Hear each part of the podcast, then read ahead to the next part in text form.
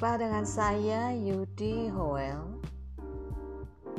Kali ini ini merupakan episode pertama ya dari podcast yang bertajuk ngobrol ngalor gitu bersama Vita dan Yudi. Eh kebalik bersama Yudi dan Vita.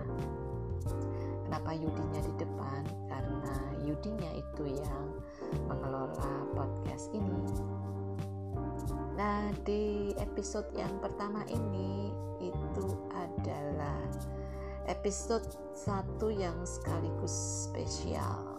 Mengapa spesial? Karena ada yang berulang tahun hari ini. Jadi topik kali ini adalah apa pun tentang ulang tahun. Saya akan ditemani dengan Vita, ya teman main sekaligus teman ngobrol Semoga nanti obrolan kami berdua tentang ulang tahun ini dapat menghibur uh, pendengar semua melewati hari-hari yang mungkin membosankan gitu dalam bahasa remajanya itu gabut gitu ya. Gabut. Nah, berharap bahwa obrolan kami pun menjadi informasi ringan buat eh, teman-teman uh, di luar sana yang mendengar podcast ini.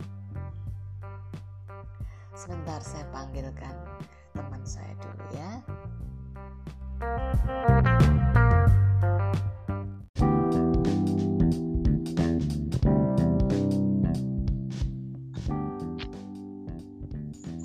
Halo Bu Vita, apa kabar?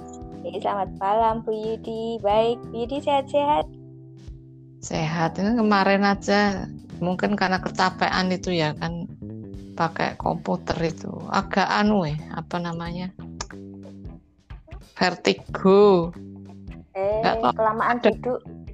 Mungkin ya. Jadi habis duduk itu tapi memang dari dari pagi gitu. Pagi kita sadar rapat sampai jam 10 habis itu rapat. Eh, oh nguji. Habis itu wah pokoknya sampai malam itu. Oh itu. terus itu ngerekam podcast sama temen itu yang di multimedia Nusantara itu. Nah itu aliran darah nggak lancar itu. Jadi pas gerak itu ya pusing kayak vertigo itu tuh olahraga bu. Lah sudah olahraga sampai turun nih bobotku dua. Oh, tiap hari po olahraganya tiap hari Enggak. po cuma sih dua dua hari sekali. Eh tapi oh.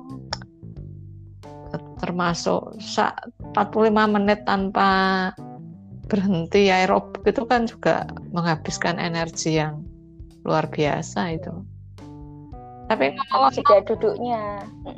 Apa? Ngomong-ngomong kayaknya ada yang ulang tahun ya hari ini ya? Eh, siapa? Siapa ya? Siapa ya? Aku tuh malah baca di internet ini barusan aku coba-coba cari yang ulang tahun hari ini itu ada putranya siapa Henry Inggris itu siapa namanya itu ulang tahun nih hari Henry. ini Inggris oh, ngerti aku. raja Inggris itu loh oh oh, Pangeran Henry. Ah, gitu. Henry, Henry ya benar kan.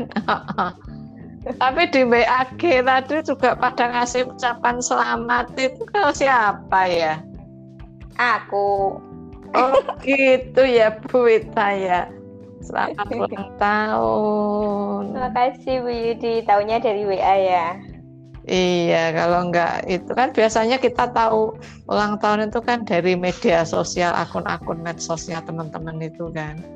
Medsos itu memang kadang-kadang membantu kita untuk tahu apa temennya ulang tahun atau enggak kan.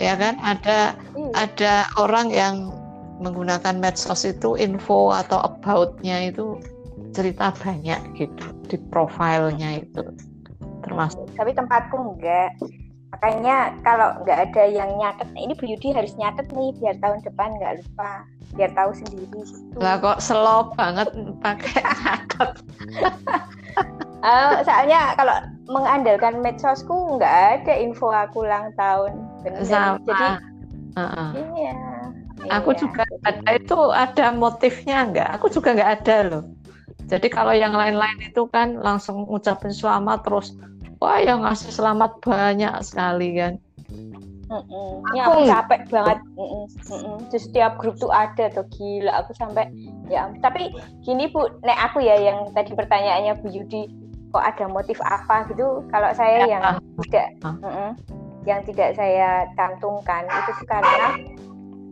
pengen personal aja sih. Jadi kalau di grup SMA itu saya punya sahabat yang saya hafal ulang tahunnya dia juga hafal sepi itu sampai siang tuh sepi nggak ada ucapan. Aku ya santai wae. Eh terus dia muncul hari ini Vita ultah loh kayak gitu. Wah ya ampun itu rasanya dia itu inget bukan gara-gara medsos itu rasanya beda loh Nek saya itu oh, makanya gitu. sengaja saya.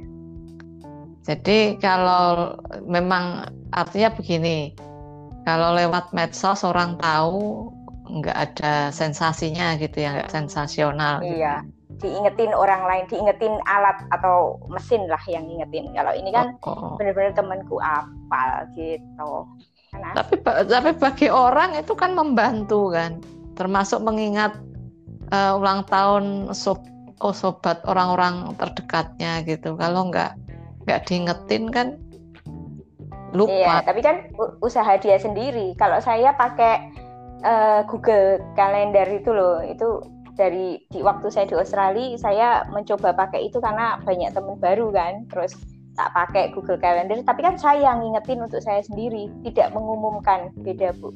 Jadi hmm. saya tidak mengumumkan kalau ada ulang tahunnya harus di post kayak gitu. Sama saya tuh nggak begitu apa ya nah ulang tahunnya dilalek kayak yuk sedih itu saya biasa wae semua hari istimewa. Sih ya gitu loh. Kalau kalau aku sedihnya itu lebih sedih lagi diingat tapi nggak ada yang ngasih apa-apa gitu. Nah itu maksudnya kan, diingat yuk diingat ada hadiah. tapi nggak ada hadiahnya apa-apa gitu. Kan mendingan oh, diingat kok. Nah, supaya diingat. enggak supaya merasa nggak sedih ya nggak usah nggak usah dicantumkan di uh, oh. akun itu gitu. supaya kalau nggak ada yang ngasih apa-apa aku bisa bilang lah ya jelas nggak ngasih apa-apa orang mereka oh. pada nggak tahu kan gitu itu namanya istilahnya defense mechanism jadi Apa melindungi itu? diri oh iya uh, meka iya toh melindungi hmm. diri dari rasa kesedihan dengan menolak sesuatu betul gitu. iya atau sudah antisipasi gitu loh antisipasi iya.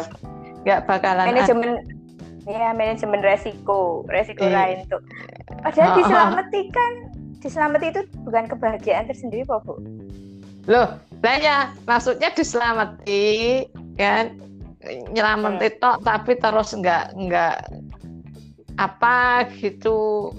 Ah itu guyon oh. deh nggak. Aku memang nggak ngasih. Kita eh, Bu Yudi nggak ngasih aku kok. Eh Bu Yudi ngasih aku foto dengan kita dari katanya ngasih sudah ngasih.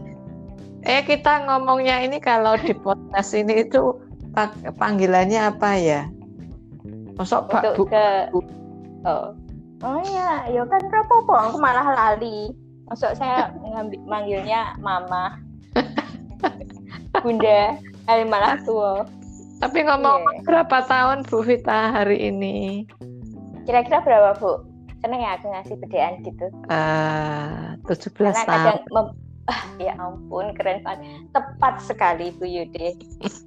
Benar-benar ya hadiah terindah itu adalah membuat orang senang. Kan tahu Bu Vita suka kalau dianggap masih muda masih jadi mahasiswa. Jadi ya, jadi udah agak bosen nih udah keseringan. Tujuhnya bener bu tujuhnya. Tapi depannya ditambah tiga bu. Empat tujuh aku bu. Hampir lima puluh. oh, gitu. oh masih lama tiga tahun lagi. Jadi memberi oh, iya, iya. sesuatu hadiah itu ya itu memang mestinya supaya berharga ya kan? Uh -uh. supaya berharga itu kita tahu tahu dulu kebutuhan orang itu. Ya kan? Betul nah Yudi kayak gitu pakai teori gitu. Jadi kan, ini mau tadi orang saya tahu karakternya Bu Vita itu yang seperti ini maka uh, tanya berapa usianya gitu ya aku biar sesuai dengan harapan toh oh 17 tahun ah, pasti senang sekali. Hmm. kadang-kadang kita kabeh wong seneng deh. Oh gitu iya belum tentu yeah. loh. Ada orang yang ingin merasa dirinya menjadi orang yang lebih dewasa dari umurnya kan gitu. Kalau dianggap masih muda kan nggak seneng. Kayak ada ada seseorang yang kupanggil kupanggil. Sebetulnya maksudnya supaya dia tampak lebih muda gitu kupanggil dengan kata adik itu nggak suka atau nggak nyaman gitu. Aku nggak nyaman loh dipanggil adik. Terus ku itu relasi relasi kuasa. Nah, terus ku bilang loh kok kok nggak seneng toh? Kan memang oh, kamu pantas untuk kupanggil dek gitu. Tapi terus dia nggak ngasih hmm. alasan. Kira-kira apa ya itu? Hmm. ya yang saya bilang tadi relasi kuasa adalah lebih ke berarti Bu Yudi itu menganggap dia tidak setara. Padahal dia pengen dianggap setara sama Bu Yudi misalnya. Kan dek itu dianggap luweh cilik luweh lebih ke uh, hubungannya itu dia dianggap lebih D itu kan kayak anak kecil yang tidak tahu yang yang apa ya. Pokoknya bedanya adalah uh, levelnya nggak sama atau mah bahkan dia pengen dianggap lebih dewasa dari Bu Yudi. Ya, ya gitu. iya betul sekali. Okay. ya betul sekali ya. Benar kayaknya gitu ya orangnya. Pengen dianggap gitu, gitu. iya. Eh kan kita itu loh ngas soal ngasih-ngasih hadiah ulang tahun. Ada orang yang suka ngasih baju atau apa? Aku paling nggak suka loh ngasih dikasih baju. ya itu misalnya baju atau karena uh, ada beberapa kali dikasih terus nggak aku pakai karena seleranya beda gitu. Itu kan nah, banget kan ya toh? Kok pede banget toh dia? Dia itu mungkin sebenarnya kenal sama Bu Yudi. Nah dia mungkin mengkonstruksi Bu Yudi. Misalnya pernah lihat Bu Yudi pakai bunga-bunga motifnya. Padahal Bu Yudi sebenarnya tinggal itu saja bajunya terus kepeksa pakai itu. iya. Nah, dia ketemu mm -hmm. Ya ketemu Yudi pakai itu gitu ya Yoan gitu loh. Atau enggak eh, kadang-kadang uh, kita itu ngasih sesuatu pada orang itu justru orientasinya pada apa yang kita sukai gitu. Paham kan? Bisa.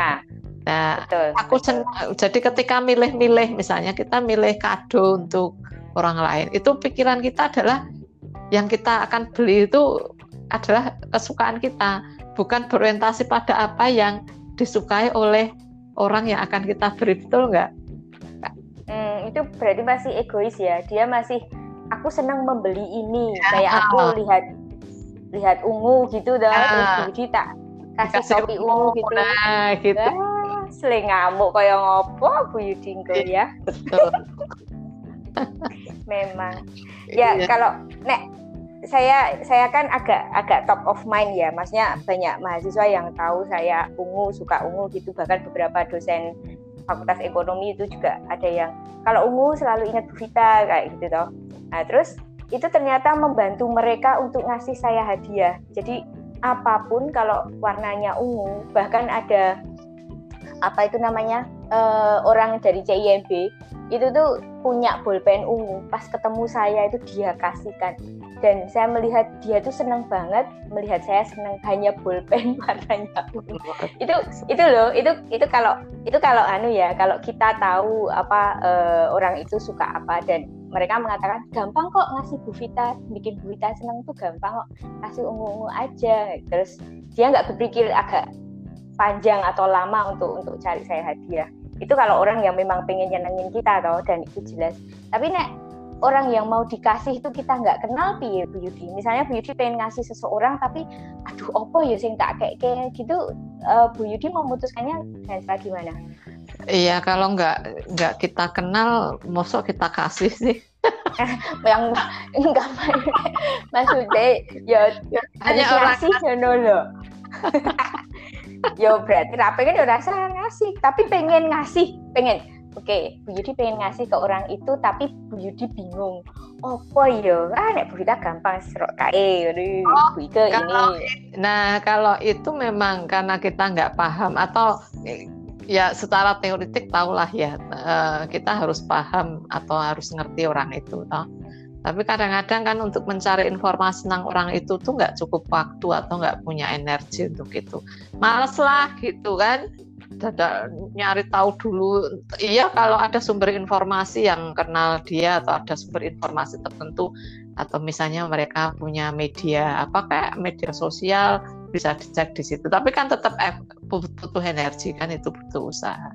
Nah kalau nggak nggak gitu tuh aku lebih ke suka ngasihnya itu karena tren aja gitu. Misalnya nih lagi ngetren apa sih eh, akhir-akhir uh, ini misalnya oh lagi ngetren oh ini misalnya dulu waktu miniso pertama kali muncul di Jogja ya kan? Itu kan lucu-lucu itu. Dan tampaknya jadi tren gitu. Anak muda terus ke situ lucu-lucu dan relatif terjangkau lah. Nah gitu. Jadi apa yang jadi tren tren saat ini itulah yang kemudian jadi jadi kadonya. Itu yang pertama. Kalau aku nggak ngerti orang itu loh ya, nggak nggak ngerti dan nggak nggak mau usaha untuk ngerti itu satu mengikuti tren di lingkungan itu. Yang kedua adalah ya itu yang bermain adalah aku suka apa gitu. Misalnya eh, secara apa misalnya pas jalan-jalan ke Informa misalnya ya. Wah aku kok nyebut merek terus ya? Miniso Informa Cina semua itu punya Cina semua eh Miniso Jepang, Jepang. ya gabungan lah Cina dengan dengan Jepang Miniso itu. Hmm. itu ya begitu lihat gitu barang-barang. Ini lucu banget lucu banget. Oh, ini aja lah yang dipilih nah itu. Jadi memang eh, nggak tahu ya apa ada kebanyakan orang juga begitu ya. Jadi memberi memberi sesuatu itu kalau nggak tahu banyak tentang orang itu ya menggunakan apa perspektif kita sendiri gitu. Kalau saya ada cerita ini dari di Australia kan anak saya pernah pesta ulang tahun toh ngajak temennya gitu sekitar berapa orang ya? 10 atau 15 pokoknya yang deket. Nah di situ saya agak agak apa ya uh, heran juga ternyata ada yang ngasih tuh duit bu. Jadi mereka ngasih amplopnya bagus banget ada tulisannya ada suratnya di dalamnya itu dikasih duit 20 dolar. Dan hmm. itu ternyata memang uh, dia dulu aku ingat dulu dia pernah minta aku 20 dolar untuk ngasih hadiah ke temennya. Loh hadiah kok duit? Saya kan mikirnya gitu loh. Ternyata uh, itu bisa janjian. Jadi misalnya Bu Yudi mau ngasih uh, seseorang A gitu kan terus uh, yang dibeli itu kayaknya agak mahal atau gimana atau dia tahu atau tahu seseorang itu pengen beli apa agak mahal misalnya saya tonan gitu loh terus Bu Yudi ngomong sama saya Bu kita ngasih duit aja yuk biar orangnya bisa beli itu. Nah aku 500 Bu Yudi 500 kasih orang. Jadi kayak gitu loh modelnya. Jadi beberapa hmm. teman diajak jadi dia nerima 20 dolar itu lebih dari satu orang gitu loh. Terus akhirnya di surat itu akhirnya kamu bisa beli misalnya skateboard yang harganya 40 dolar atau apa. Hmm. tapi ada ada kalimat dan tertulis di situ. Nah sejak itu saya terus mikir wah ya ampun ini belum ada ya di budaya terutama saya belum pernah ngalami di budaya Indonesia. Terus saya mah mikirnya ada teman saya yang akhirnya pernah tak kasih aku bingung mau ngasih kamu apa aku nggak tahu dan kamu nggak mau ngomong saya bilang gitu tak kirimin aja ya terus tak kirimin tak transfer. Terus dia malah ah apa ya mungkin karena saya sudah deket sama dia jadi dia santai aja dan seneng. Akhirnya dia beli sesuatu di foto terus dikirimkan ke aku. Akhirnya aku beli ini dengan duit dari kayak gitu. Jadi uh, akhirnya terus saya agak dengan beberapa teman ngirimnya kayak gitu bu. Jadi lebih ke bentuk duit. Hanya saja memang nggak personal ya Ya itu budaya juga sih. Mungkin budayanya fungsional gitu. Artinya dengan uang itu ya toh, orang bisa menggunakan sesuai dengan kebutuhannya. Itu kan fungsional sekali gitu. Nah budaya-budaya Barat itu memang kan uh, apa istilahnya instrumental. Instrumental itu praktis, uh, iya yang fungsional memang betul fung, berfungsi gitu kita kadang-kadang ngasih sesuatu yang sebetulnya nggak ada fungsinya misalnya apa plakat atau ini fungsinya apa gitu. Gantungan kunci kalau kita pergi-pergi terus bawa itu nggak dipikir-pikir ya. Akhirnya di rumah itu banyak sekali gantungan kunci plakat uh, kulkas tuh karena bu, plakat kulkas Bu Vita ya. Karena punya untuk koleksi. punya koleksi tapi kan untuk sebagian besar orang itu kadang-kadang lah ini apa akhirnya gantungan kunci itu ya ya akhirnya jadi hiasan souvenir saja gitu kan tapi air-air ini kalau teman-teman ke luar negeri kan bawanya coklat tuh Bu. Jadi sesuatu iya. yang habis. Betul, betul itu maksudnya. Mendingan kadang-kadang mendingan begitu termasuk ngasih ngasih kado itu. Ngasih kado itu mestinya yang juga fungsional gitu loh daripada useless toh. Iya. Makanya saya juga Makanya kan kalau wedding wedding gitu ya pernikahan itu sekarang kan juga sudah duit. budayanya duit gitu biar nanti duit terkumpul dipakai untuk kebutuhan dia apa sudah terserah yang dikasih kan kita udah nggak perlu mikir lagi daripada dulu kita ngasih sarung ngasih bantal ngasih kasur gitu. Spray belum tentu spray. Oh, oh. Eh, aku masih ada loh, masih ada loh spray yang belum tak buka. iya. ukuran, ukuran spray sama warnanya merah. Aku, aku juga dapat itu juga belum aku pakai. Itu ukuran yang king. Padahal tempat tidur yang kita punya kami punya itu queen. Ah iki. Ya kan? Iya. Sampai orangnya yang ngasih sudah meninggal yeah. ingat ya ampun tapi itu yang ini jadi saya jadi mah kepikiran oh itu tuh kenangan mungkin ya orang pengen dikenang atau kadang kan pas bongkar-bongkar ih ini dulu aku dapat dari siapa iya sih. kayak gitu iya, iya, iya. tapi itu ya lama-lama orang nek akhirnya ke arah pragmatis ya kenangan ya cuma hoarding aja toh iya. yang akhirnya akan lebih banyak yang dikenang uh, gitu. tapi ada lagi loh budaya kita dengan budaya barat itu beda dalam ngasih atau tradisi memberikan hadiah pada saat ulang tahun. Apa? tapi kita dulu kita dulu pernah ngalami itu bahwa kalau yang ulang tahun itu yang dikasih gitu. Tapi ada kecenderungan sekarang yang yang uh, ulang tahun justru yang mengeluarkan uang untuk pesta. hmm, pajak iya, itu anakku tuh pajak opo tuh deh P P opo pajak ultah apa ya? PU PU atau apa gitu istilah jadi dia itu kalau hari ini aku ulang tahun nih aku dibawain duit banyak loh. Lah kenapa? Aku mesti disuruh pajak eh, suruh traktir namanya pajak gitu. Pajak hadiah pajak utah aku lupa namanya pakai pajak gitu. Jadi ya emang malah sedih ya bu ya. Iya yang ulang tahun malah keluar apa keluar effort keluar usaha atau baik itu yang material maupun imaterial gitu padahal kan mestinya enggak gitu yang ulang tahun itu tinggal justru dipestakan dapat hadiah kan itu kalau di luar kan begitu ini ada perubahan. Tapi iya, tapi aku pernah di di di Australia itu salah salah paham. Jadi ada temen ulang tahun, terus nanti kita ketemu di kafe apa jam 7 ya. Eh bayar sendiri-sendiri toh Bu. Ya ampun, untung aku bawa duit loh. Ya aku, aku nggak ngerti jadi dia tradisi itu mungkin karena salah paham doang maksudnya iya aku makanya. Aku salah paham tapi nggak ada yang ngasih tahu. Jadi oh. jadi kebetulan saya itu punya ruang PhD itu benar-benar orang Indonesia sendiri lainnya orang Australia atau luar lah pokoknya kayak Inggris atau Amerika hmm. gitu loh. Nah terus ada salah satu yang ulang tahun terus nanti itu dia kita jam 7 gini ketemu di sini. Ya ya ya. Terus ya udah saya datang aja ketemu gini gini terus kan biasanya pesen bayar dulu kayak gitu toh. Ini ada antri bayar terus uh, should we pay by ourselves? Ya yeah, yeah, you, you got money. Oh nggak ditraktir tak aku mah ngomong gitu. Tapi nak ternyata untuk aku gak duit. Wah terus habis itu saya yo wah pesen wes rodok sing larang selikur dolar ya. Ya wes lah apa-apa ya tapi oh ya ampun berarti kayak gitu dan aku harus ngecek. Katanya dia aku bilang sama temanku aku agak kaget deh kayak gini-gini. Terus oh kamu tanya aja boleh kok nih kita harus bring our own money atau you you treat us gitu tanya aja. Oh nanya. Oh ya ya makanya saya ya mungkin perubahan itu mempengaruhi kayak kalau kita rapat itu kan saya selalu tanya makan siang ada nggak? Gitu kan jadi tabu tuh bagi orang lain hmm. nah saya lebih ke praktis nek nggak ada makan siang ya udah aku tak sendiri. makan dulu oh atau bawa sendiri pikiranku kayak gitu tapi kadang so ada yang ngingetin ya ampun kita tuh kok gitu tuh kayak malu-maluin oh malu ya padahal dulu semua yang aku maluin itu dipupus hilang sama teman-teman Australia. Kok sekarang? Iya rata soalnya saya nyaman dengan tidak merasa malu tapi ternyata ya banyak yang bisa nerima. Iya sih budaya. Laki-laki ini kaitannya dengan uh, budaya atau rutinitas lah. Apa yang menjadi rutinitas di di bangsa tertentu itu mungkin tidak jadi rutinitas di tempat kita. Apa yang dianggap tabu di tempat lain itu nggak tabu di tempat kita kan Ya. Jerman gimana Bu? Jerman.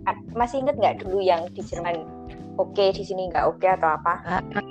Oh kalau ulang tahun itu oh biasanya begini. Enggak kalau ulang tahun itu kemudian mengundang ke rumah gitu kemudian bikin barbecue apa sih istilahnya Jerman? Bikin apa pesta kebun gitu.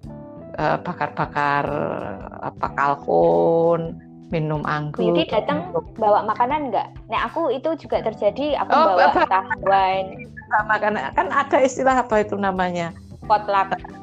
Ah, ah, jadi masing-masing. Tapi tuan rumah biasanya akan menyediakan lebih dari gitu. Artinya kalau ada yang nggak bawa ya tetap dapat dapat makan juga. Jadi tuan rumah itu tetap menyediakan gitu bahwa kita mau datang dengan membawa atau tidak sebetulnya tidak tidak jadi masalah gitu. Tapi asik juga loh yang model-model kayak gitu pesta kebun terus masak di situ rame-rame bareng-bareng gitu. Itu lebih ya. mengenal satu sama lain loh itu. Bener bisa iya. Keluar semuanya, eh dia bisa masak apa enggak gitu. Dan anu kalau di sana itu yang diundang itu memang betul-betul yang punya relasi yang kuat gitu. Sama seperti pernikahan kan gitu.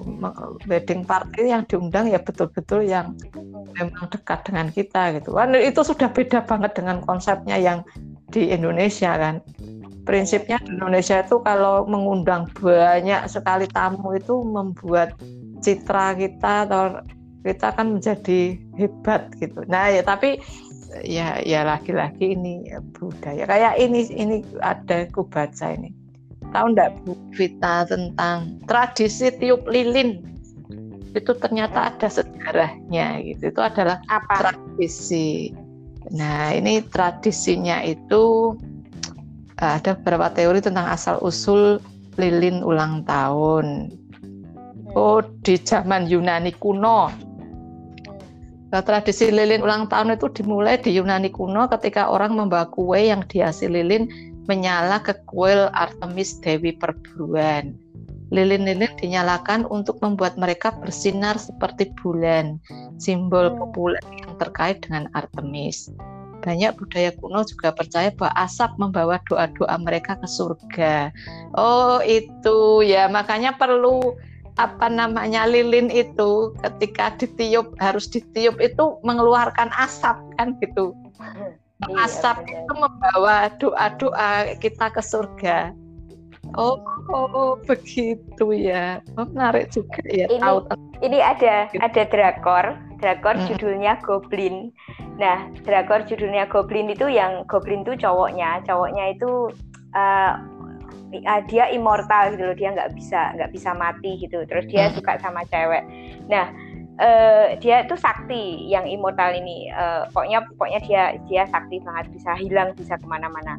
Nah terus ceweknya ini kalau mau manggil cowoknya itu kalau dia sedang butuh atau apa dia harus niup lilin. Begitu niup hmm. itu langsung cet hmm. nah ceweknya ini agak nakal.